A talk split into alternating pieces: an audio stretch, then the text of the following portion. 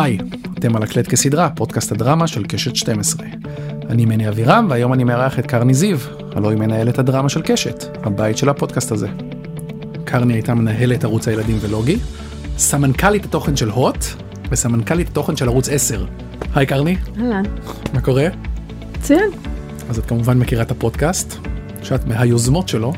אז אני מתחיל קצת בהיסטוריה מקצועית, אני נתתי על קצה המזלג, אבל תספרי רגע על המסלול שלך מתחילת תחילת הדרך עד לפודקאסט הזה בעצם. אני בתחום הזה כמעט בטעות. נרשמתי לאוניברסיטה וחשבתי בכלל שאני אלך ללמוד כתיבה לתיאטרון. ובמקרה פגשתי חברה ביום של הרישום לאוניברסיטה שאמרה לי שהיא הולכת ללמוד uh, תסריטאות בחוג לקולנוע וטלוויזיה. וברגע האחרון עשיתי שיפט והלכתי ללמוד קולנוע וטלוויזיה. Uh, וחשבתי שאני אהיה תסריטאית וזה מה שלמדתי. ואסף ציפור שלמד שנה מעליי, עבד כבר בערוץ הילדים, וכתב לי מיכל ינאי וכל מיני כאלה דברים, וקצת התעייף. ואז הוא אמר לי, בואי תכתבי במקומי, והתחלתי לכתוב בערוץ הילדים. אה, כל מיני כאלה פינות למיכל ינאי ואביגיל אריאלי וכאלה מין. אה, ואז הגיע הקיץ של 93, אה, זה היה הכדור פורח הראשון, והציעו לי לבוא לכתוב, וחשבתי שזה התגשמות החלומות. ושם הכרתי גם את גנית אטיאס, שהייתה בפודקאסטים הקודמים, ומשם נהיינו חברות וקולגות. שהיא מנהלת הדרמה של יס. נכון. אה, וכתבתי לכדור פורח, לכל המנחים הוותיקים של ערוץ הילדים, ובעצם שם התחלתי את המסלול שלי בערוץ הילדים, אבל די מהר אה, עברתי מהתסריטאות לעריכת תוכן. והפכתי להיות אה, העורכת של השידור החי, הכיתה המעופפת וכל מיני כאלה. אה, אני חושבת שהבנתי מהר שאני לא מספיק מוכשרת בלהיות תסריטאית מצד אחד, וגם ש, שלהיות תסריטאי זה תפקיד נורא בודד, אתה נורא לבד עם עצמך רוב הזמן מול המחשב, ואני חושבת שהבנתי מהר שאני אדם של אנשים, ושמה שמעניין אותי זה להתנהל בעולם הזה יחד עם האנשים שכותבים ויוצרים וכולי, ואני חושבת שהעמדה הזאת של עורכת זה בדיוק מה שזה היה. אז הייתי המון המון שנים בערוץ הילדים, והתקדמתי כאמור מתסריטאית לעורכת, אחר כך הייתי עורכת ראשית, אחר כך הייתי מנהלת של ערוץ הילדים, הקמתי את לוגי יחד עם עוד אנשים כמובן, הייתי סמנכ"לית התוכן של נוג התקשורת, זה אומר גם ערוץ 8, ואחרי 14 שנים מדהימות בערוץ הילדים, באמת זה היה... אולי מקום העבודה הכי טוב וכיפי וראשוני וחלוצי שהייתי בו, כי לא היה כלום לפני זה, המצאנו את הדבר הזה, ולמדתי לעשות טלוויזיה, לא, לא הבנתי לפני זה בכלל מה זה. אלון שטרוזמן אה, פינה את מקומו בהוט, והציע אותי כמחליפה. ולשמחתי לקחו אותי, ולשמחתי לא הבנתי בכלל מה זה. אה, ורק כשהגעתי הבנתי את סדר הגודל של הדבר הזה, זה לנהל תקציב מאוד מאוד גדול, לקחת אחריות על כל הערוצים שהוט שידרה, על כל הרכש של הוט, וכמובן על הפקות המקור של הוט. זה היה בית ספר מדהים בלנהל סדר גודל ותוכן, והייתי שותפה, לא עשיתי שום דבר, אבל הייתי שותפה ליצירה של המון סדרות שם בהוט, אבל לא רק, כאמור, ניהלתי גם את הרכש והאחוזים עם הערוצים, ו... למדתי מה זה פלטפורמת שידור. מה זאת אומרת, היית שותף, הוצאת לדרך דברים. הוצאתי לדרך הרבה מאוד דברים. נתת אישורים כן. ל... כן, גם ב, כמובן בעולמות של הוט שלוש, מה שנקרא, כן. אז ועדיין, וגם בכל העולמות האחרים, אה, ערוץ 8, ערוץ הבידור וערוצים אחרים שהיו. שם הכרתי אותך לראשונה, עכשיו שאני אזכר, כשאת היית בהוט. ואני נכון. אז הייתי ברייטינג, אני זוכר. נכון, וגם ביקשתי ממך להמציא לי שמות של סדרות. מצחיק. ונזכור שאחת שיודעת, אחת שיודעת, כן. אחת שיודעת זה שם שאתה הבאת, כי אני לא ידעתי איך נקרא לזה. גוסיפ גרל. נכון. נכון. ומשם, אה, אחרי שלוש שנים, עזבתי וקיבלתי הצעה לבוא לערוץ 10, אה, יוסי ורשבסקי הביא אותי לשם.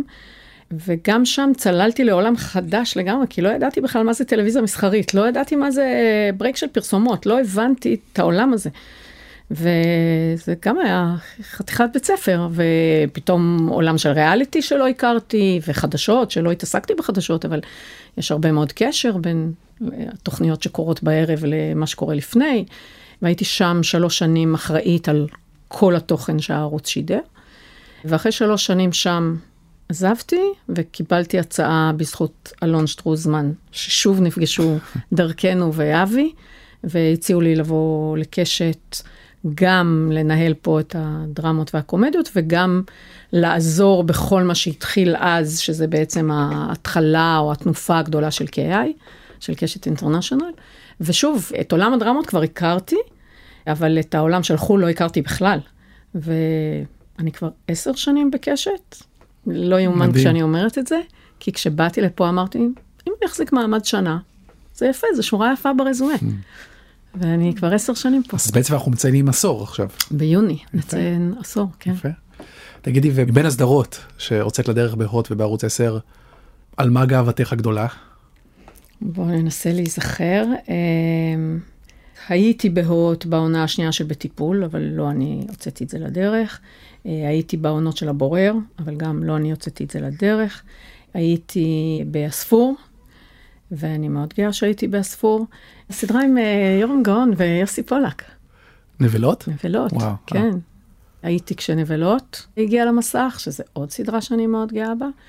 בערוץ 10 אה, עשינו את אלנבי, שזה סדרה שלא ברור איך קרתה בערוץ כן, מסחרי, אה? אבל זה, אני חושבת שזה חלק מזה, הייתי, ממש רק התחלתי בערוץ 10, ואלנבי הייתה על השולחן. ופשוט בטעם האישי שלי חשבתי שזו סדרה מהממת, ועשינו אותה, והיא כמובן בשום פנים ואופן לא סדרה לערוץ מסחרי, כן. אבל היא סדרה שאני מאוד גאה שעשינו, והייתי שותפה ליציאה לדרך של ליטל שוורץ בערוץ 10 ושל בני ערובה. אה, אבל גם, בגלל שתהליכים של סדרות הם כל כך ארוכים, אז בהרבה מקומות הייתי בתחילת הדרך, ואחר כך כבר לא הייתי, כן, אבל שמחתי ברור. לראות שהדברים ברור. קרו ועלו והצליחו. את יכולה לשים אצבע על ההבדל בין הוט של אז, של זמנך, לבין קשת נגיד, או בין ערוץ מסחרי, 10 וקשת, ברמת ה...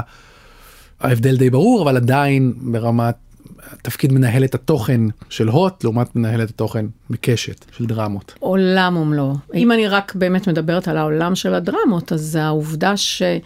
זה שני מודלים מסחריים אחרים לגמרי, ועוד פעם, זה, זה לא תיאוריה, זה למדתי את זה תוך כדי העבודה, זה שכשהגעתי להוט, נולד עידן ה-VOD. ממש כשהגעתי לשם הוא היה צעיר מאוד, אפילו באתי משם לקשת כדי לבקש מקשת תכנים ל-VOD, ואני זוכרת שבאתי לדבר פה על ערוץ האח הגדול וכל מיני כאלה דברים, אז היה ממש בחיתולים, אבל ברור שסדרות שמתאימות להוט, לאופן שבו צופים בסדרות, מה שנקרא קייבלס, כבלים, ממש כמו כן. שזה, הן סדרות הרבה יותר, יכולות להיות יותר אג'יות, פחות מסחריות, יותר נישתיות. במידה מסוימת עם יותר תעוזה. כל הדבר, המונח הזה שנקרא רייטינג, הוא בכלל הוא מונח שהכרתי אותו לפני שהגעתי לערוץ 10. וכשעברתי לערוץ מסחרי, המונח הזה שנקרא רייטינג, הציון הזה שאתה מקבל בשעה תשע בבוקר, הגלינג גלינג הזה שאתה מקבל לטלפון שלך, הוואטסאפ הזה, זה החיים של ערוץ מסחרי, של כל מנהל בערוץ מסחרי, אבל בטח ובטח מנהל תוכן. והוא מכתיב את הבחירות שלך, לא רק במובנים רעים, גם במובנים שזה האתגר. וזה הציון שאתה מקבל למחרת בבוקר, ואין שום דרך להתחבא. אתה יכול לעשות בהוט סדרות מצוינות, אבל אפשר לראות אותם גם שלושה ימים אחרי, או שבוע אחרי, או לחכות שכל הסדרה תעלה ל-VOD, זה היה נכון לאז, זה בוודאי נכון ל-2023, שאני חושבת שכמעט לא צופים בערוצי הכבלים, אתה כבר לא מחפש סדרה ורואה כן. אותה באיזושהי שעה, אתה רואה אותה ב-VOD, זה הדרך שבה אתה צופה גם בהוט וגם ב-yes. בעוד שכאן, בקשת, בערוץ מסחרי, המודל הוא האם יבואו מספיק צופים לראות אותנו בשעה תשע ורבע בערב, עם ברייקים של פרסומות, שזה דבר מאוד מאוד קשה ומאתגר. וזה לוקח זמן להבין את המנגנון, וזה מאוד משנה את סוגי הבחירה, אני חושבת, של מה שאתה יכול לבחור למקום כמו קשת, או למקום כמו הוט, או התאגיד, או יס. מאוד שונה. אז את עשור פה מקשת, מה המקום של קשת היום מבחינתך בעולם היצירה הישראלית? אני חושבת שכמקום שרואה את עצמו כטלוויזיה של ישראל, יש כאן מחויבות שלא קשורה בכלל לרגולציה ולחוקים ולכל מיני כאלה דברים שאנשים אומרים, אבל אתם חייבים. זה בכלל לא קשור, אנחנו עושים הרבה מעבר למה שחייבים, כי יש בבניין הזה, מה שנקרא, אמונה שהטלוויזיה של ישראל צריכה להביא לצופה גם ריאליטי וגם דוקו וגם ארץ נהדרת וגם דרמות, ולספר את הסיפור הישראלי ב-360 אופנים וזוויות. ויש כאן כבוד מאוד גדול לדרמה, והתפיסה היא שדרמה היא לא מקבלת הנחות, זאת אומרת, לא נגיד, אוקיי, נשים אותה ב-10 וחצי בלילה, שלא תהיה תחרות. לא, התפיסה פה אומרת כבר הרבה מאוד שנים, דרמה יכולה וצריכה להתמודד בפריים טיים אל מול תחרות, ולהצליח לעשות רייטינג לא פחות מדברים אחרים שמתמודדים מולה. ואם היא לא יכולה, אז היא לא מתאימה למקום הזה. היא אולי מצוינת, אבל היא כנראה תהיה מצוינת במקום כמו הוט או יס או התאגיד. כאן העבודה זה להגיד ליוצר, אנחנו בתחרות, ואנחנו צריכים להיות הכי טובים בשעה תשע ורבע בערב. ולא להגיד, אבל יראו אותה המון המון ב-VOD או ב-12 פלוס. לא, אנחנו רוצים שכמה שיותר עיניים צופות יגיעו היום בערב לראות אותה. אחר כך אנחנו נשמח שיהיו לה גם תוספת של נקודות רייטינג בהמשך, אבל המהות והעבודה זה כאן ועכשיו. אז בעצם יוצר צריך להבין שאם הוא בא עם הדרמה שלו לקשת, בעצם מוטלת עליו עוד משימה כזאת של יכול להיות של להתחרות באח הגדול לצורך העניין. זאת המשימה. זאת זאת אומרת, המשימה. אנחנו, אנחנו מראש גם אומרים, אתה תתחרה בדבר הכי קשה שיש, אתה תתחרה, אני לא יודעת, בהישרדות או באח הגדול, זאת המשימה. והמשימה היא לא רק להביא סיפור מצוין ולעשות סדרה נהדרת, אלא לעשות סדרה שהיא תחרותית במהותה. אנחנו לא יכולים לעשות הנחות ולהגיד, אבל זה דרמה. לא, זה דרמה, ואנחנו מאמינים באמת שהיא יכולה להתחרות. וכבר הוכחנו את זה כמה פעמים, לא תמיד, אבל כבר היו לנו לא מעט דרמות בשנים האחרונות, כשבאמת הלכנו עם המחשבה הזאת יחד עם היוצרים, שהתחרנו, היו ערבים שניצחנו, גם ריאליטי, ואם לא ניצחנו אז התמודדנו מאוד מאוד יפה. ואלה הסדרות שאנחנו מחפשים. זה מעניין כי את יכולה לפרוט את הדבר הזה שאת קוראת לו תחרותי, כלומר מה בתוך דרמה ספציפית יש לו מאפיינים שאת יודעת להגיד אוקיי זה יהיה תחרותי. קודם כל, הלוואי והייתי יודעת, כי אז הייתי מייצרת כנראה רק דרמות כאלה, והיינו נורא נורא מצליחים. אני יודעת, אני חושבת, מדברים שהצליחו ומדברים שפחות הצליחו פה, יש לי איזו רשימה של מאפיינים ואיזו תחושת בטן על דברים. אני כמובן לא תמיד צודקת. אני חושבת, למשל, שאנחנו, בניגוד להוט ויס, אנחנו לא יכולים לעשות סדרות שפונות רק לקהל מאוד מאוד ספציפי. אנחנו לא יכולים לעשות סדרות שפונות רק לצעירים, או רק מאוד מאוד נשיות, או רק מאוד מאוד גבריות. לא, אנחנו צריכים בסוף כמעט את כולם שיבואו לצפות בנו. אז נכון, יש סדרות שהן עם נטייה יותר נשית, יש סדרות שהן עם נטייה יותר גברית, אבל אנחנו צריכים לחשוב על כולם. אנחנו לא נעשה סדרות ילדים פה בכלל, אנחנו נעשה סדרות, עוד פעם, שהן מכוונות לשעה תשע ורבע בערב, בסלון, ש, שבסלון לא כל אחד יראה את זה במקום אחר בז, בזמן שנוח לו. תשע ורבע בערב, אחרי החדשות, האם הסדרה שלי מזמינה באמת כמעט כל את בני הבית לשבת ולראות אותה? האם הקצב שלה הוא כזה שמי שיראה את הפרק הראשון ירצה מאוד לראות את הפרק הבא, ולא יגיד, אני אחכה שכל השמונה פרקים יהיו ב-VOD ואני אראה בבינג'. אני צריכה, המשימה שלי זה להצליח משבוע לשבוע להגיד לצופה שראה, גם הפרק הבא יהיה מעולה, תבוא. תבוא ותשב בשעה תשע ורבע בערב, שזה כבר שעה שלא פשוט לשבת uh, מול דרמה. כנראה יהיה לך שני ברייקים של פרסומות, אבל אני אנסה מאוד לכתוב, או לעזור ליוצר, לכתוב לברייקים של פרסומות, שנצא ברגע שהצופה יגיד, אני חייב לראות מה קורה אחרי הברייק הזה. ואני אסיים פרק בזה שאני מקווה שהצופה יגיד, אני חייב לראות מה קורה בפרק הבא. זאת המשימה שלי, ולכן היא משימה מאוד מאתגרת. אני לא חושבת שכל היוצרים, וחלקם יוצרים מצוינים, יודעים לעמוד במשימה הזאת. המון יוצרים יכולים להגיע ולהגיד לי, אבל בפרק שלישי אתה נורא מבין את הדמות והסיפור. אין אצלנו פרק שלישי. מי שלא נצליח להביא לפרק הראשון, הסיכוי שנצליח להביא אותו להמשך הוא מאוד מאוד נמוך. זה כמעט לא קרה לנו בסדרות. אנחנו מכירים את זה שאנחנו מצליחים להביא המון אנשים לפרק הראשון, אבל אנחנו מסתכלים על גרף, שזה גם דברים שיוצרים במקומות אחרים לא מכירים, ואנחנו לפעמים רואים איך הסדרה נורא מתחילה גבוה, אבל הפרק מסתיים נורא נמוך, זאת אומרת שהם מרגישים איזה סוג של אכזבה מהפרק, ואנחנו צריכים לנתח ולחשוב על הדברים האלה כל הזמן, שזה, ואני חושבת שבמקומות אחרים זה לא קורה. וואו זה מאוד מאוד מאתגר וגם שלא לומר מלחיץ ו...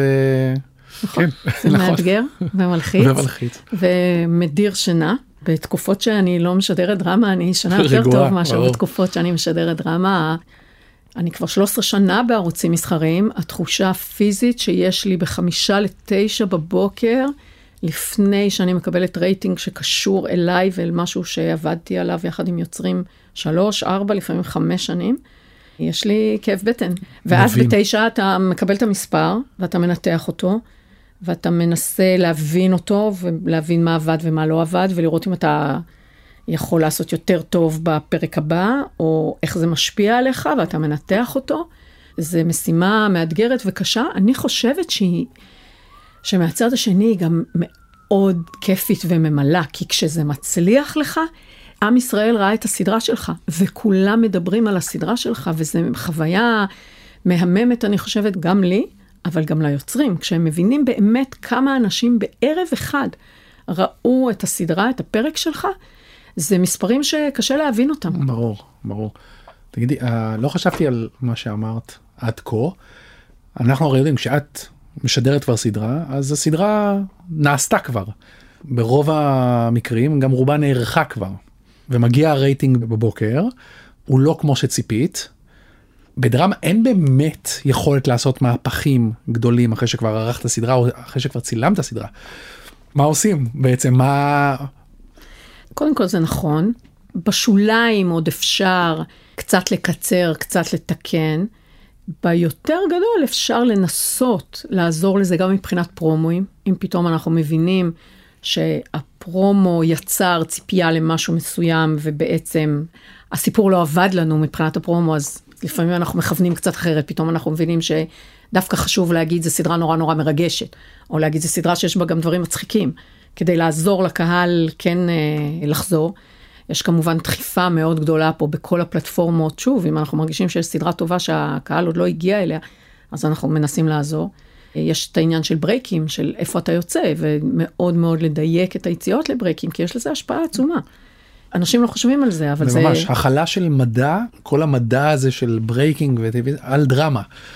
צריך להגיד, אנחנו עובדים מאוד בצמוד למחלקת המחקר מחקר, שלנו, כן.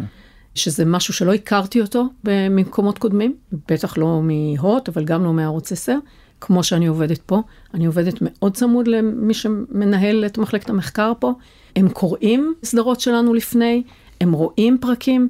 אני נמצאת בקבוצות מיקוד, שזה כלי שאנחנו משתמשים בו המון, ואנחנו מקשיבים לו המון. באיזה שלב את עושה את הקבוצת מיקוד? כשיש לי כבר אופליין להראות. שעומד, ושאני מרגישה שאפשר להראות אותו. ואם הקבוצת מיקוד לא עפה? אז קודם כל אנחנו עצובים, אבל uh, הרבה פעמים יש מה לעשות עם מה שקבוצת מיקוד אומרת, הם פתאום מרגישים שארוך להם. אז אתה אומר, אוקיי, אז בבקשה להיכנס לחדר עריכה ואנחנו נקצר. הם פתאום מרגישים שלא מספיק מצחיק להם, אז אנחנו מחפשים איך אנחנו עוזרים לזה. לפעמים אפילו מתייחסים לסצנות מסוימות, נגיד בגיבורים עפים, אני ממש זוכרת, שהייתה התייחסות מאוד ספציפית לסצנת הפתיחה המאוד ארוכה שצילמנו, מי שזוכר, הסצנה בלבנון, כן. שמתחילה את הסדרה. זה נכנס חזרה לחדר עריכה ועשינו שם עבודה. והיה לנו חשוב להראות את נינט כבר בהתחלה, כדי שאנשים ידעו כן. שיש גם דמות נשית גיבורה וכולי. אנחנו מאוד uh, קשובים למחקר ולקהל, עד כמה שאנחנו יכולים. אז אפרופו מחקר, מחקר אומר משהו על ז'אנרים? כלומר, הוא יכול להגיד, עדיף לעשות בטלוויזיה מסחרית, נדבר ספציפית, בקשת, קומדיה, או מתח, או פעולה, או צבא, או... לא, מחקר לא, לא אומר כאלה דברים.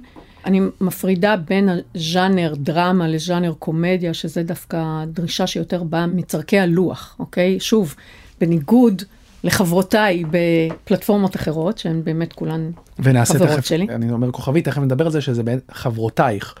דיברתי על זה גם עם דגנית. אתן רק נשים שחולשות על תחום הדרמה בגופי השידור פה, וזה מעניין. נכון. אז בעצם הלוח הוא סוג של קליינט שלי. אני מוכרת סדרה ללוח פה בקשת. יש פה פחות דרישה לקומדיה. בשנים האחרונות יותר קשה לנו לשבץ קומדיות. קומדיות הן פחות ז'אנר של מה שנקרא מסי טבעי. ואנחנו, ככל שהזמן חולף, צריכים יותר סוג של אירועי טלוויזיה, שהצופה בבית ירגיש שהוא חייב לראות היום את הסדרה, כי מחר בבוקר ידברו עליה ויהיה ספוילר והוא לא יכול להחמיץ היום, וזה כמעט לא קורה בקומדיה. אז יש לנו מעט קומדיות יחסית שאנחנו עושים. אני חושבת שנגיד אדיר, הוא סוג של קומדיה שאתה לא רוצה להחמיץ, כי יש שם מספיק חומרים והתייחסויות שיעניין אותך מחר בבוקר לדבר עליהם. אז אנחנו עושים מעט קומדיות. ובתחום הדרמה, המחקר לא יגידו לי, תעשי יותר צבא, או יותר אה, מוסד, או יותר שב"כ. אני חושבת שיחד איתם פיתחנו איזה מודל, זה כמעט נשמע מדעי, אבל יש לזה נגיעה מדעית. אני חושבת שאנחנו לאורך השנים מנתחים דרמות שהצליחו לנו ודרמות שפחות הצליחו לנו. אז קל כמובן להגיד, זו הייתה דרמה מצוינת, לכן היא הצליחה, וזאת הייתה דרמה לא טובה, לכן היא לא הצליחה. אבל אנחנו מנסים לקפוץ מעל הדבר הזה, וכמובן להגיד, קודם כל הדרמה צריכה להיות מצוינת. היא צריכה להיות כתובה מצוין, מבוימת מצוינת, עם שחקנים נהדרים וכולי. אבל מה בכל זאת מחפשים פה הצופים שלנו? האם יש איזשהו מכנה משותף? ואני חושבת שהמכנה המשותף הוא מאוד ישראליות, שאותה אנחנו פורטים יותר עמוק, והישראליות היא לפעמים צבא, אבל היא לפעמים גם uh, טיול אחרי צבא, או היא איסמא חתני, שהיא הכי לא צבא שיש, אבל היה בה משהו מאוד מאוד ישראלי, או היא השוטרים בנהריה, ששוב, שהיה בה אלמנט מאוד ישראלי ומבוסס על סיפור שחלק מהצופים שלנו הכירו, אז אנחנו מנסים לרדת לאיזה רזולוציות ניתוח. זה לא סותר את זה שקודם כל, כמו בכל פלטפורמה אחרת, אנחנו מחפשים סדרה מצוינת וסיפור מעולה ודמויות שהלב שלך הולך איתם. אבל כן, אנחנו נעשה פה נגיד סדרות פחות אג'יות, פחות מדכדכות. אני חושבת שהעניין הזה שאנחנו יודעים שבתשע ורבע בערב אתה רוצה איזה חוויה שהיא uplifting, שיש בה איזה תהליך של גאולה נגיד, זה דבר שלנו נורא נורא חשוב, שהדמות, כמה שיכול להיות לה קשה בדרך, היא בסוף תעבור איזשהו תהליך שאנחנו קוראים לו תהליך של גאולה.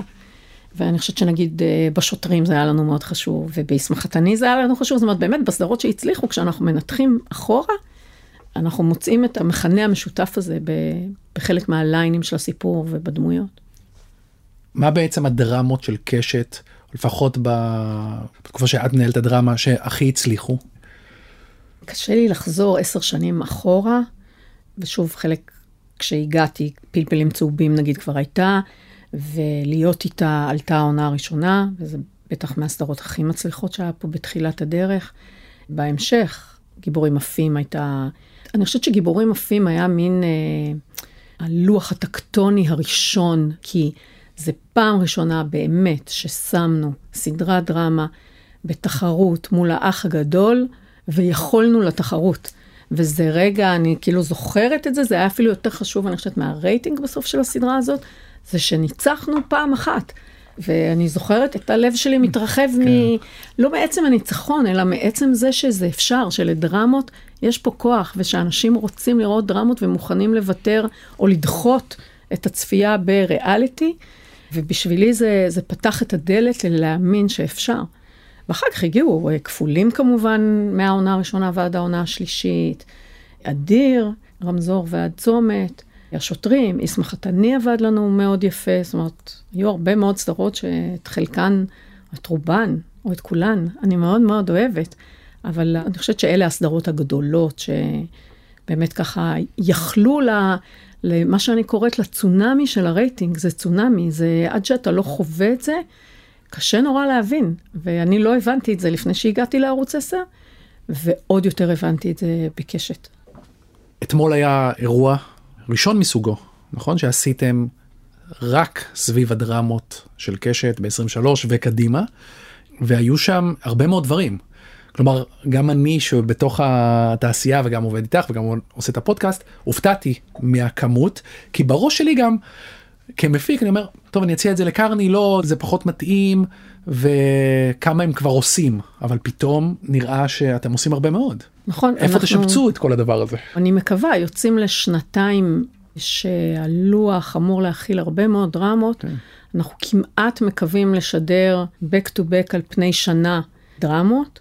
היו לנו שנים כאלה לפני די הרבה שנים, אבל באמת בשנתיים האחרונות שידרנו פחות דרמות. היינו מאוד עסוקים בשנתיים האחרונות בלפתח, בלכתוב תסריטים מצוינים, בלכתוב שוב את אותם תסריטים עוד יותר טוב, בלעבוד מאוד מאוד קשה עם חבורת יוצרים מצוינת ובמאים ומפיקים. והוצאנו לדרך עשר סדרות, בסכומים גם מאוד מאוד גדולים, זאת אומרת, ההשקעה הצפויה לשנתיים הקרובות היא של מעל 100 מיליון שקל בסדרות דרמה. לא היה לנו סכומים כאלה ושנים כאלה. אה, ואני מאוד מקווה שבאמת, אני חושבת שאנחנו מרגישים שהקהל הישראלי צמא לדרמות ישראליות, ושבכל פעם שמביאים משהו, באים לראות, ושאם הוא טוב, הם גם נשארים לראות. ואני מקווה ומאמינה שיש לנו סדרות מצוינות בקנה, ושזה חלק, שוב, מזה שקשת רואה את עצמה כמקום שנותנת לצופה הכל.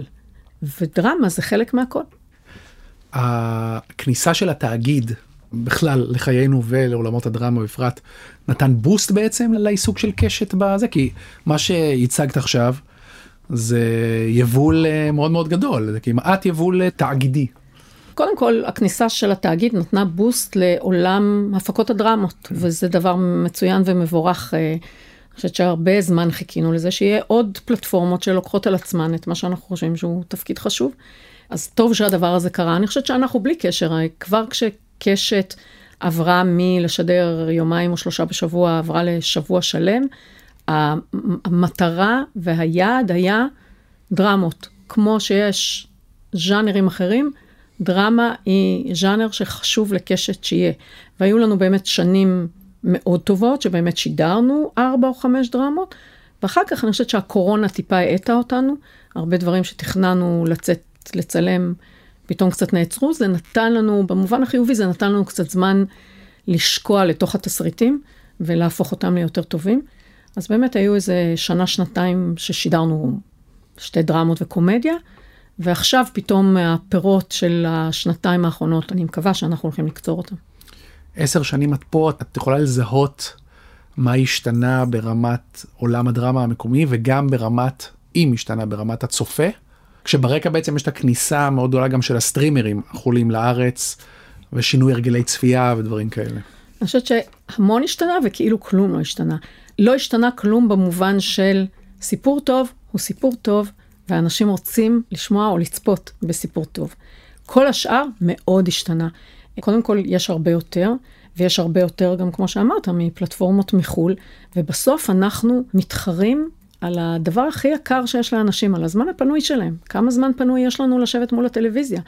ועכשיו הזמן הזה, הוא יכול לבחור בין, אלוהים יודע כמה כותרים בנטפליקס, באפל ובפלטפורמות נוספות. הוט, יס, מה שיש לו בבית, תאגיד בשנתיים האחרונות, ואנחנו. אז התחרות נהייתה מאוד מאוד קשה. אני חושבת גם שהצופה התרגל לראות סדרות מצוינות, ולכן גם רמת הדרישות שלו מסדרה... אה, נהיית יותר גבוהה, ובצדק. אנחנו כבר לא יכולים להגיד, טוב, אז סדרה ישראלית קטנה וזה התקציב שלנו. אנחנו כאמור מתחרים על אותו זמן, והוא בזמן הזה יכול אה, לבחור סדרה בנטפליקס, שכל פרק בה עלה עשרה מיליון דולר, בעוד שאנחנו באים עם סדרה שעלתה מיליון שקל כנראה. אז אני חושבת שמהבחינה הזאת נהיה הרבה הרבה יותר קשה, אני חושבת שהסבלנות של כולנו כצופים, אני יודעת על עצמי כצופה, היא נהייתה הרבה יותר קטנה. מה שלא תופס אותי בחמש-שבע הדקות הראשונות, הסיכוי שאני אתן צ'אנס הוא יותר קטן, ואני עוד נותנת צ'אנס כי זה העבודה שלי. אבל אנשים אחרים, למה שהם ייתנו צ'אנס? גמרנו, זה לא מעניין, אני עובר הלאה, ויש לי כל כך הרבה אפשרויות. אז אני חושבת שזה נהיה הרבה הרבה יותר מאתגר, אבל זה גם מה שכיף בזה, זה נהיה הרבה יותר מאתגר. איך בעצם את עובדת עם הזרוע הבינלאומית של קשר, שזה KI, בכל מה שקשור לדרמה? כי אני יודע שאני נגיד אני לפעמים בשיח איתך ואת אומרת בוא'נה זה מעניין אבל אולי לא למסך של קשת יכול להיות שזה יכול לעניין לחו"ל. אז אני בכמה כובעים מול KI, או קשת International. קודם כל, כמו שאמרתי שהלוח של קשת הוא הקליינט הראשון שלי, קשת International הם הקליינט השני שלי. Okay. אוקיי. זו חברה שאני צריכה לספק לה חומרים כדי שהם יוכלו להפיץ בעולם. כשאנחנו בוחנים סדרה לישראל, אנחנו כאמור קודם כל שואלים אם מתאימה למסך בישראל, הקהל פה זה יעניין, אבל אחר כך אנחנו גם נשאל האם אנחנו חושבים שיש סיכוי שנוכל למכור את הקלטת, אנחנו קוראים לזה קלטת, זה כבר מזמן לא קלטת, אבל את התוצר הסופי, את הסדרה הזאת, כמו שהיא לחו"ל. והשאלה השנייה שאנחנו נשאל זה האם יש כאן פורמט או סיפור שיש סיכוי שבחו"ל ירצו לקנות את הסיפור ולעשות אותו מקומי.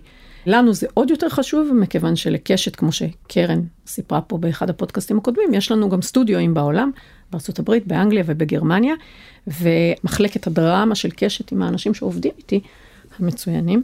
אנחנו המקור הראשון בעצם לסדרות שהם מקבלים כדי לנסות לעשות מהם פורמט מקומי. אז אלמנטים שמאוד חשוב לנו כשאנחנו בוחנים סדרה. אנחנו לא נבחר סדרה אם נחשוב שהיא תהיה מאוד מאוד מצליחה בחו"ל, אבל לא תצליח בישראל. אנחנו חושבים שהאלמנט של ישראליות לפה הוא חשוב מאוד מאוד, ואנחנו לא מפחדים מהאלמנט של ישראליות גם לחו"ל. להפך, בכל הסדרות שהצלחנו למכור בחו"ל, האלמנט הישראלי היה מאוד חזק, מגיבורים עפים וכפולים, ולהיות איתה, שכולן, שאני מסתכלת עליהן, אני אומרת, וואו, זה סדרות כל כך ישראליות, והצלחנו למכור אותן גם כקלטת וגם כפורמט. זה עבד לנו. אז זה זרוע אחת שבה אני מתעסקת עם מה שאנחנו עושים בעולם, ואז אם אנחנו מצליחים למכור באמת כפורמט, אני מעורבת אה, באופן מסוים במכירה הזאת, גם בשלב המכירה, הפיצ'ים וכולי, וגם באופן חלקי בשלב הפיתוח בחו"ל. אה, צריך להגיד, אה, אנחנו היום כבר למודי ניסיון ויודעים שבסוף, בחו"ל, חשוב למצוא יוצר שנורא יאהב את מה שהבאנו לו, אבל גם מאוד מאוד ימצא את מה מחבר אותו לסיפור הזה, מהמקום שממנו הוא בא. ולכן הוא גם לא תמיד רוצה שנהיה מעורבים, הוא רוצה שהדבר הזה יהפוך להיות שלו. הוא לא תמיד רוצה את היוצר הישראלי, הוא לא תמיד רוצה את אנשי קשת מישראל. אני חושבת שבשנים האחרונות למדנו גם שזה בסדר וזה נכון, אנחנו בעיקר רוצים שהוא ימצא את עצמו ואת הקול שלו בסיפור שהבאנו, כי זה המפתח ללמה הסדרה הזאת תצליח גם בחו"ל, וחשוב לנו שהיא תצליח בחו"ל.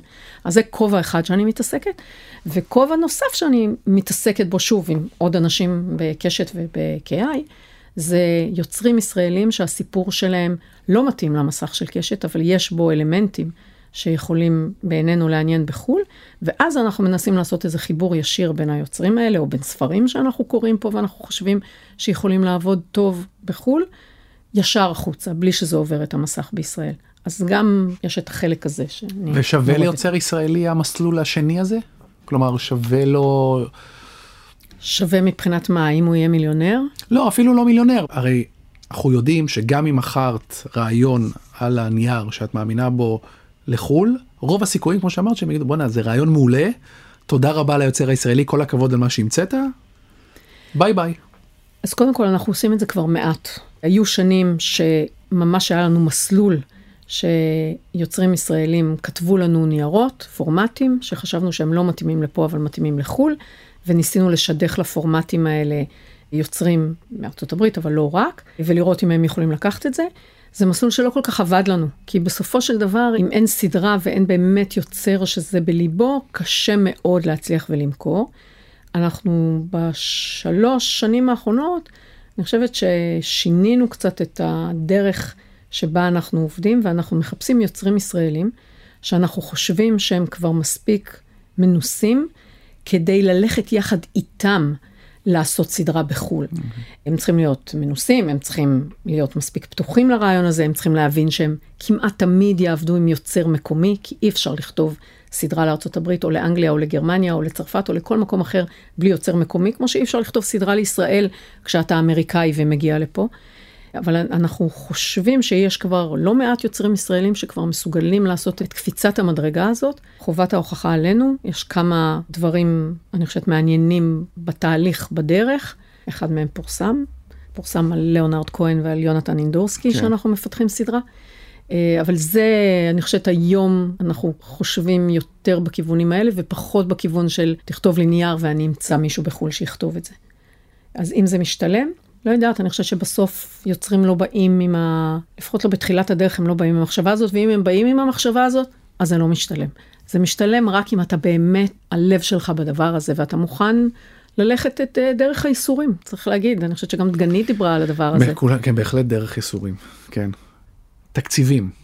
אנחנו יודעים מה התקציבים האמריקאים, דיברת על זה קודם, ועד כמה אפשר בעיני רוחך לעשות דרמה מעולה בתקציבים ישראלים.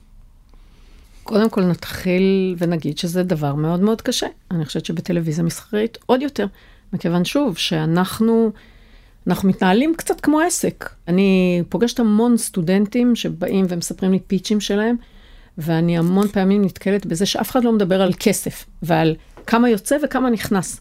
אצלנו, שוב, זה דבר נורא נורא ברור. כמו שאני יודעת בתשע בבוקר את הרייטינג של סדרה, אני אחרי הצהריים גם יודעת להגיד כמה כסף הסדרה הזאת הכניסה, או הפסידה, או הרוויחה. אני מקבלת דוח, אני רואה מספרים. וכשהמספרים ירוקים אני שמחה, וכשהמספרים אדומים אני עצובה. כי אני רוצה שהסדרות שאני עושה יעמדו גם במבחן הכלכלי. זה חלק מהמטרה והתפקיד שלי, לא לעשות סדרות רק שיכתבו עליהם דברים נורא נורא טובים. אני כמובן אשמח שיכתבו עליהם דברים טובים, אבל אני רוצה שיבואו לצפות בהם ושיהיה להם רייטינג ושהם ירוויחו כסף. והמודל הזה של סדרות דרמה שהולכות ונהיות מאוד מאוד יקרות הוא מאוד קשה לכל הגופים בארץ, אבל uh, ערוץ מסחרי עוד יותר. ולכן אין ברירה אלא לפנות לכל מיני מודלים אחרים, ואנחנו מגייסים את קשת אינטרנשיונל בתור uh, מפיץ, מקבלת סדרה וצריכה לשלם על זה שהיא לוקחת להפצה. ואנחנו פותחים את הדלת בשנים האחרונות למשקיעים ולשותפויות ולקופרודוקציות ולעבודה עם גופים בחו"ל. ואני חושבת, אם אני חוזרת לעולמות התקציב עוד פעם, שאנחנו לא יכולים להתחרות עם הסדרות שעושים בחו"ל בתקציבי ענק. אני חושבת שהקסם שלנו, והוא לא קסם, הוא תוצאה של עבודה קשה וכישרון גדול, זה היוצרים, שמשקיעים המון המון המון זמן ועבודה קשה בלכתוב תסריטים מצוינים, שזה בסוף הסוד. זאת אומרת, כשיש לך תסריט לא טוב, אז גם אם תפיק סדרה בעשרה מיליון דולר, זה לא יעזור. אתה יכול לכסות את זה בכל מיני אפקטים ופעלולים, אבל באמת באמת של הסיפור זה לא יכסה. ולעומת זאת, אם כתבת סיפור מצוין עם דמויות שקל להזדהות איתם, או אפשר להזדהות איתם, והן עושות דרך ואתה מחובר אליהם, אז גם בתקציבים שלנו, שוב, שהם לא נמוכים, בשבילנו הם לא נמוכים בכלל, אבל לעומת תקציבי חו"ל, אתה עדיין יכול לעשות סדרה מצוינת. ולכן אני חושבת באמת, אנחנו, כל גופי השידור, אבל גם אנחנו כמובן, משקיעים המון זמן בלכתוב תסריטים, כי אני יודעת ששם זה כאילו המקום היותר זול שאפשר לתקן בו כמעט הכל. ומהרגע שסדרה יוצאת להפקה, זהו, קשה לך מאוד לתקן, בטח ובטח בסכומים שאנחנו יכולים להקדיש. ולכן אתה צריך לצאת לדרך כשאתה אומר, אני יודע שיש לי תסריטים מצוינים, כי הדרך עוד כל כך ארוכה מתסריט מצוין לסדרה מצוינת, שלפחות זה אתה חייב להאמין ולדעת שיש לך תסריטים מצוינים ביד.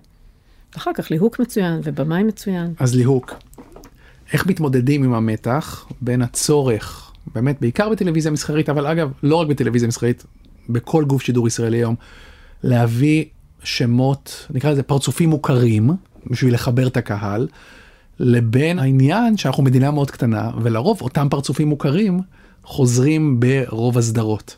האם ליהוק חוזר של אותם כוכבים, האם יש לו איזה השפעה, או זאת אומרת, אז מה אם ראו אותו כבר פה, פה ופה, אם הסדרה טובה, הסדרה טובה.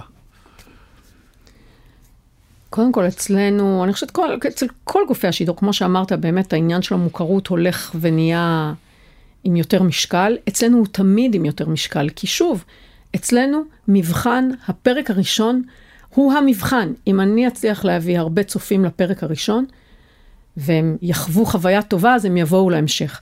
אין לי שום יכולת להגיד, לא נורא, הם יגלו, הם ישמעו על הסדרה הזאת, הם יקראו ביקורות, הם יבואו לפרק 2. לא, אם הם לא באו לפרק 1, הם כנראה לא יבואו, ולכן החשיבות של פרומו ושל פנים מוכרות ושל שחקנים אהובים הוא מאוד מאוד משמעותי אצלנו.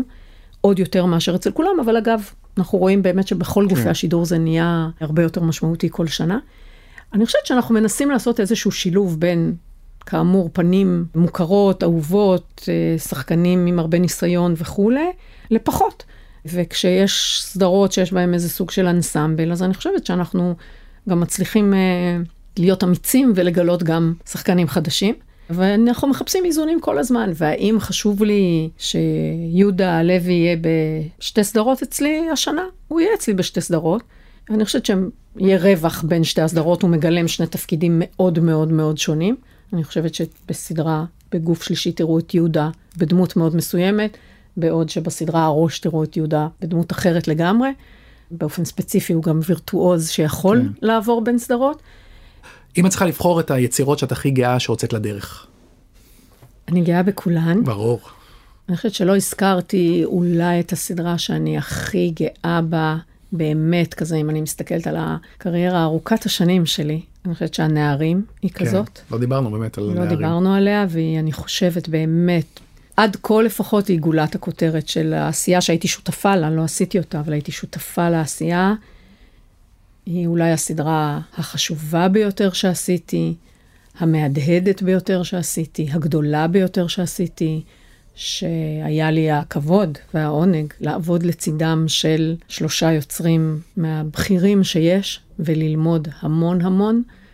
וכשסיימתי את הנערים, מלבד זה שהייתי מאוד גאה בתוצאה, ואני חושבת שאני אהיה גאה שנים בסדרה הזאת, אני חושבת שגם אמרתי, אני יכולה לעשות כמעט הכל, כי זו הייתה סדרה מאוד גדולה, עם המון מהמורות בדרך מכל כיוון שהוא, מההפקה ועד הפוליטיקה. וכשהיא הגיעה למסך ושודרה וזכתה לתהודה שהיא זכתה ולמידת ההשפעה, אני חושבת שהיה לה על השיח פה, אז אה, אמרתי, וואו, אני יכולה לעשות סדרות גדולות, וחשובות, ומרכזיות, ומהדהדות, וכמה כוח יש לטלוויזיה.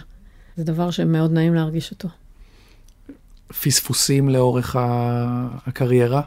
שני תתי ז'אנרים של פספוסים. אחד, דברים שהוצאת לדרך ואת התבאסת בסופו של דבר, או מהתוצאה או מהביצועים, וגם דברים שוויתרת עליהם. כלומר, היה על שולחנך, אמרת, פחות בשבילנו, וזה התפוצץ במקום אחר.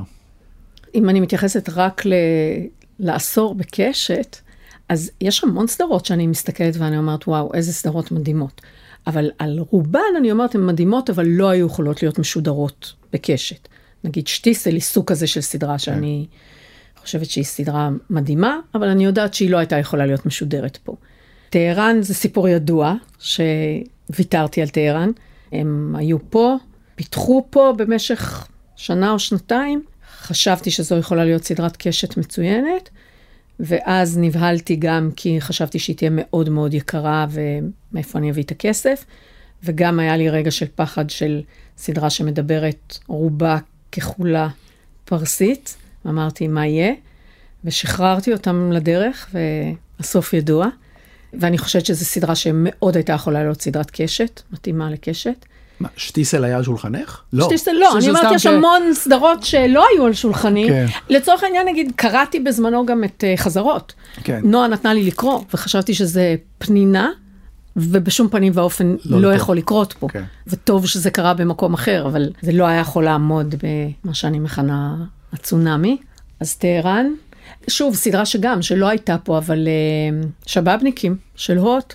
שזו סדרה שאני מאוד מאוד אוהבת, היא לא הייתה פה מעולם על שולחני, ואני חושבת שאם היא הייתה על שולחני, אז אני מקווה מאוד שהייתי אומרת כן, כי אני חושבת שזה סוג סדרה שהיה יכול להצליח פה. מן הסתם יש עוד כאלה. אני באמת רואה כמעט הכל, אני אגיד, 95 אחוז מהסדרות הישראליות ראיתי. אני מאוד אוהבת, אני מקנאה הרבה פעמים. אני שמחה בשביל היוצרים ובשביל הפלטפורמות האחרות שעושים פה טלוויזיה מדהימה. ואני בעיקר שמחה כשמגיעות אלינו סדרות מצוינות ומצליחות. אז אפרופו הפלטפורמה שדיברנו קודם, שבראשן, בראש הפלטפורמות ברמת הדרמה עומדות נשים. את חושבת שזה מקרי, והאם יש לזה איזה השפעה? זה כנראה לא מקרי. שוב, אמרה דגנית לפניי, יש כנראה תכונות נשיות שמתאימות לדבר הזה שנקרא דרמה, של איזה סבלנות, ויכולת לרוץ למרחקים ארוכים, והכלה מאוד מאוד גדולה של תהליך ארוך וקשה ומתסכל, ואיזו ירידה לפרטים ורזולוציות שהן כנראה תכונות יותר נשיות, אנחנו לא יודעים. אבל כנראה, עובדה, שבאמת כן. ארבע נשים מנהלות, חמש, גם ברשת, אז זה כנראה לא מקרי. את יכולה לסמן לאן עולם הדרמות הישראלי הולך בשנים הקרובות? זאת שאלה טובה, אני לא בטוחה שאני יודעת להגיד שיש ז'אנרים מסוימים. אני חושבת שנגיד אם אני מסתכלת עלינו, אז אנחנו יותר ויותר מחפשים סיפורים גדולים. כמו שאמרתי, אנחנו מחפשים כמעט אירועי טלוויזיה, כי אנחנו צריכים שיבואו היום לראות אותנו. אני חושבת שיש יותר סיפורים שמבוססים או מרפררים לסיפור אמיתי, שהקהל מכיר. יש לזה יתרון, יש, זה מביא מההתחלה איזו עוצמה, ועוזר לקהל להגיע ואחר כך לגלות אה, רבדים נוספים. כנראה שבגלל המודלים הכלכליים יהיו כאן לא מעט קופרודוקציות, ושוב, רק כשהקופרודוקציה אמיתית מעצם הסיפור היא תצליח. אנחנו מפתחים נגיד עכשיו סדרה עם אסי, שאנחנו מקווים שתהיה קופרודוקציה ישראלית ספרדית ומבוססת או inspired by, נגיד ככה, סיפור חייו של אסי. אז שם יש אמת בלייצר קופרודוקציה, כן. כשאתה עושה את זה בכוח זה יותר קשה. אני חושבת שכן העניין של המכירה לחו"ל ימשיך לזמזם מאחורה לתסריטאים. כשאני אומרת עוד פעם, הוא צריך להיות שם, אבל לא, זה לא הדבר החשוב הראשוני. כן. החשוב הראשוני זה קודם לעשות סיפור מצוין כאן. אין דרך למכור לחו"ל אם הסדרה לא תצליח פה. אנחנו יודעים את זה כבר. ואני חוזרת לזה שכאילו הכל משתנה, אבל דבר אחד לא משתנה. סיפור טוב, דמויות טובות, בסוף זה הדבר. קצת על דברים שאת רואה, אמרת שאת רואה הכל, או צריכה לראות הכל כי זה עבודה, אבל עדיין יש בטח סדרות שקרובות לליבך מהשנים האחרונות שאת מסמנת בתור הטופ שהכי אהבת. אני אתחיל מלהגיד אחד שאני באמת, אני רואה המון טלוויזיה. לא רק כי זה העבודה שלי, זה באמת התחביב שלי. ואני זוכרת שפעם שאלו אותי, כשהייתי בערוץ הילדים, אמרו לי, מה התחביב שלך? ואמרתי, לראות טלוויזיה. ואז הבנתי שהעובדה שהתחביב שלי הוא גם העבודה שלי, מעטים זוכים נכון. לזה שזה אותו דבר, וזה היה בערוץ הילדים כשהייתי שם, שזה לפני הרבה מאוד שנים, וזה עדיין נכון. בשבילי זה תענוג מאוד גדול לראות טלוויזיה. אז אני רואה סדרות ישראליות, אני רואה, אני חושבת, באמת 95% מהסדרות הישראליות. אתה יודע, אז ראיתי את חנשי שלכם, וראיתי את בלאדי מורי, שגם במקרה זה שלכם, אבל לא התכוונתי לזה, ו... לא התכוונתי להגיד את זה. לא התכוונתי שיצא שהכל שלכם, וראיתי את קרטגו, וראיתי המפקדת, זה של, ה... של התקופה האחרונה, ואני באמת רואה כמעט הכל מהסדרות הישראליות, ונהנית מרובן ואוהבת. ואני רואה הלוטוס הלבן, והיורשים, והכתר, אה, והאקס שמאוד אהבתי. זה ו... כבר עממיקו הסדרות האלה, זה לא נכון, עכשיו... נכון, זהו, ב... זה כבר לא, ובלש אמיתי ופרגו נגיד, כן. ראיתי את כל עונותיה ואהבתי מאוד. רק השבוע גיליתי מין סדרה אוסטרלית שנקראת קולין מהנהלת חשבונות, שהיא ממתק טלוויזיה שראיתי ב-yes, ב-VOD שלהם, ולפעמים אני כל כך צריכה סדרה שתנחם אותי. ברור. אז נגיד זה סוג כזה של סדרה ש... נהניתי מאוד לראות, או Brooklyn 99 אני יכולה לראות, אה, כי אני קצת מחפשת שיהיה לי נעים ומצחיק. אני מודה שאני יכולה לראות גם סדרה כמו FBI, שראיתי את רוב עונותיה, ובאמת היא הכי שטאנץ שיש, אבל זה עושה לי איזה סדר בעולם. אפקטיבי, אפקטיבי. מאוד, כן. כל ראיון של הארי בטלוויזיה, אני אראה. כל הסדרה הקשורה לבית המלוכה. באמת? אני אראה, okay. אוקיי. כן.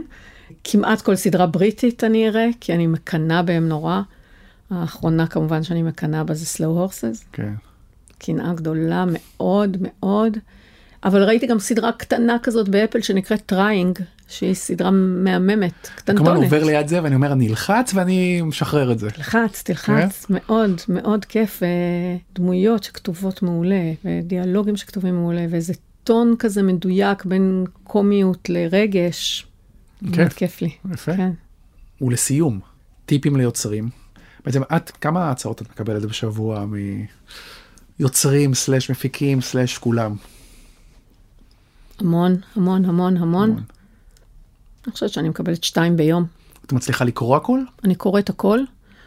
יש לי היום כבר עזרה, יש לי מנהל פיתוח כבר כמה שנים טובות, שכבר עושה חלק מהעבודה יובל. איתי או במקומי, יובל הורוביץ, כן? שמגיע מעבר של סוכן ומכיר היטב יוצרים, ולכן גם, אני חושבת, אה, מצליח אה, לקרוא מאוד טוב אה, סדרות ויוצרים ולעשות תהליך עם יוצרים שצריך. אנחנו קוראים הכל וחוזרים לכולם באופן מאוד מאוד רציני, כי אני יודעת ש... אנשים השקיעו בהצעות האלה את החיים שלהם לפעמים, mm. באמת, באופן אמיתי, דם, יזע ודמעות. לא מעט מהם מספרים את סיפור חייהם. לכן אנחנו מתייחסים להצעות האלה מאוד uh, ברצינות, ונותנים תשובות רציניות גם כשרובן שליליות. שליליות, ברור. Um, אני אחזור מן הסתם על חלק מהדברים שאנשים אחרים אמרו. אחד, לבוא אלינו, אם אני מדברת עלינו באופן ספציפי, להבין קצת יותר מה אנחנו מחפשים. אין מה לבוא אליי ואל דגנית ואל רוני ואל מירית עם אותן הצעות. דגנית ומירית ורוני, או פלטפורמות השידור האחרות, מחפשות דברים אחרים ממה שאני מחפשת, ולפעמים יוצרים באים והנה ההצעה, אני באה לכולם. לא, כי מה שמתאים לי לא בהכרח מתאים שם, והפוך. ולכן אני חושבת נורא להבין מי אנחנו, מה עשינו בשנים האחרונות, מה הצליח לנו, לא לבוא כמו, הבאתי לכם את גיבורים עפים החדש. כי את גיבורים עפים עשיתי, או את השוטרים עשיתי. אבל כן להבין, להקיש מההצלחות שלי, מה סוג הדברים שכנראה יצליחו. להבין שהדרך היא ארוכה וקשה וצריך הרבה סבלנות. להיות מאוד פתוחים לביקורת. אנחנו מתערבים הרבה, אנחנו נותנים הרבה הערות בכל השלבים בדרך. אנחנו לא עושים את זה כי אנחנו נגד, אנחנו עושים את זה כי אנחנו הכי רוצים להצליח עם הסדרה. ואני יודעת שלפעמים ליוצרים זה תהליך שהוא, שהוא קשה להם. אבל אני חושבת שברגע שהם מבינים שאנחנו איתם באותו צד של השולחן, רק שאנחנו חווינו את הדבר הזה שנקרא רייטינג, ולכן יכולים לתת טיפים שיעזרו, כדאי להקשיב, ואפשר להתווכח איתנו וזה בסדר, אבל כדאי לבוא לזה מאוד מאוד פתוחים. כן, דיברתם על זה עם אה, קרולין סטראוס, בעצם על המתח שבין גוף השידור ליוצר, ואיפה עובר הקו של מי המילה האחרונה, כשאבי ראיין אותה. זה כמובן שונה ברשת cable כמו HBO מאשר בגוף מסחרי, ועדיין באמת תמיד יש את המתח הזה. תמיד יש את המתח הזה, הוא מאוד מאוד קשה. קודם כל כי שוב, גם אני לא יודעת את כל התשובות ב-100%, גם אני בסוף, אני מבוססת על מחקרים ונתונים ועשרות שנות ניסיון שיש לי, אבל בסוף גם אני מתנהלת מתוך תחושת בטן ואינטואיציה. ואני מול יוצרים ששמו את, את הנשמה שלהם בסיפור הזה, או הרבה פעמים סיפור אישי, וגם אם לא, הם באמת, הם עובדים בזה שנים, וזו התחושה שלהם, והם מרגישים שזו יצירת חייהם, ובצדק, אני גם רוצה שזו תהיה יצירת חייהם. אני לא חושבת שברוב שנות הקריירה שלי הייתי בסוף צריכה להגיד ליוצר, זה מה שיקרה. לא חושבת, או אני אספור בפעמים בודדות שבסוף אמרתי להם, אוקיי, עשינו דיון, אבל זה מה שהחלטתי. אני מאוד מנסה לשכנע, וזה משלב התסריט, שיש לי הערות על תסריטים, לשלב הליהוק, שאני מנסה לשכנע, אבל אני גם הרבה פעמים משתכנעת. אני, נגיד, יש לי זיכרון מעומרי, כשיצאנו לגיבורים עפים, אנחנו רצינו רביעייה אחרת. ועומרי שכנע אותנו שהרביעייה שהוא הביא הייתה הרביעייה היותר נכונה לסדרה. ובסוף הלכתי עם האינטואיציה שלי, כי האמנתי שעומרי מאוד מבין בבטן שלו את הסדרה הזאתי. והלכתי איתו. ובפעמים אחרות, אני יכולה להגיד שאני מבקשת, נגיד, מבמאים, לקחת לאודישן שחקנים שאני מאמינה שהם טובים, אבל אני נותנת להם את הזכות להחליט בסוף. כי הם צריכים להיות שם, ואם הם לא יאמינו, או הם יגידו לי, לקחנו את השחקן הזה, או עשינו את זה רק כי את אמרת לנו, זה גרוע מאוד לסדרה. בטח יבואו במאים או יוצרים ויגידו, את לא זוכרת שהכרחת אותנו לעשות את זה ואת זה ואת זה, והם בטוח יצדקו, אבל um, בסך הכל אני חושבת שרוב החוויה זה שאנחנו מנהלים דיון. ולפעמים הוא קשה לי, ובטוח הוא מאוד קשה ליוצרים. ויש רגעים שבהם אני נורא מתעקשת ומנסה לשכנע, ויש רגעים שאני אומרת, בסדר, בחרתי את הבמאי או בחרתי את היוצר הזה, אני שלמה עם הבחירה שלי, אני צריכה ללכת עם מה שהוא מרגיש. אבל זה אחרי שהבאתי את כל הטיעונים ואת כל ההסברים וניסיתי לשכנע. אני חושבת שברוב המקרים אנחנו מצליחים להיות באותו צד של השולחן. יפה. תודה רבה, קרני. אני שמחה שהייתי. תודה. עד כאן הקלט כסדרה, תודה לקרני, תודה ליפרת מירון העורכת שלנו ולנטע ספילמן המפיקה. אתם יכולים ומוזמנים למצוא אותנו במאקו, בספוטיפיי, באפל ובגוגל. נשתמע בפרק הבא, יאללה ביי.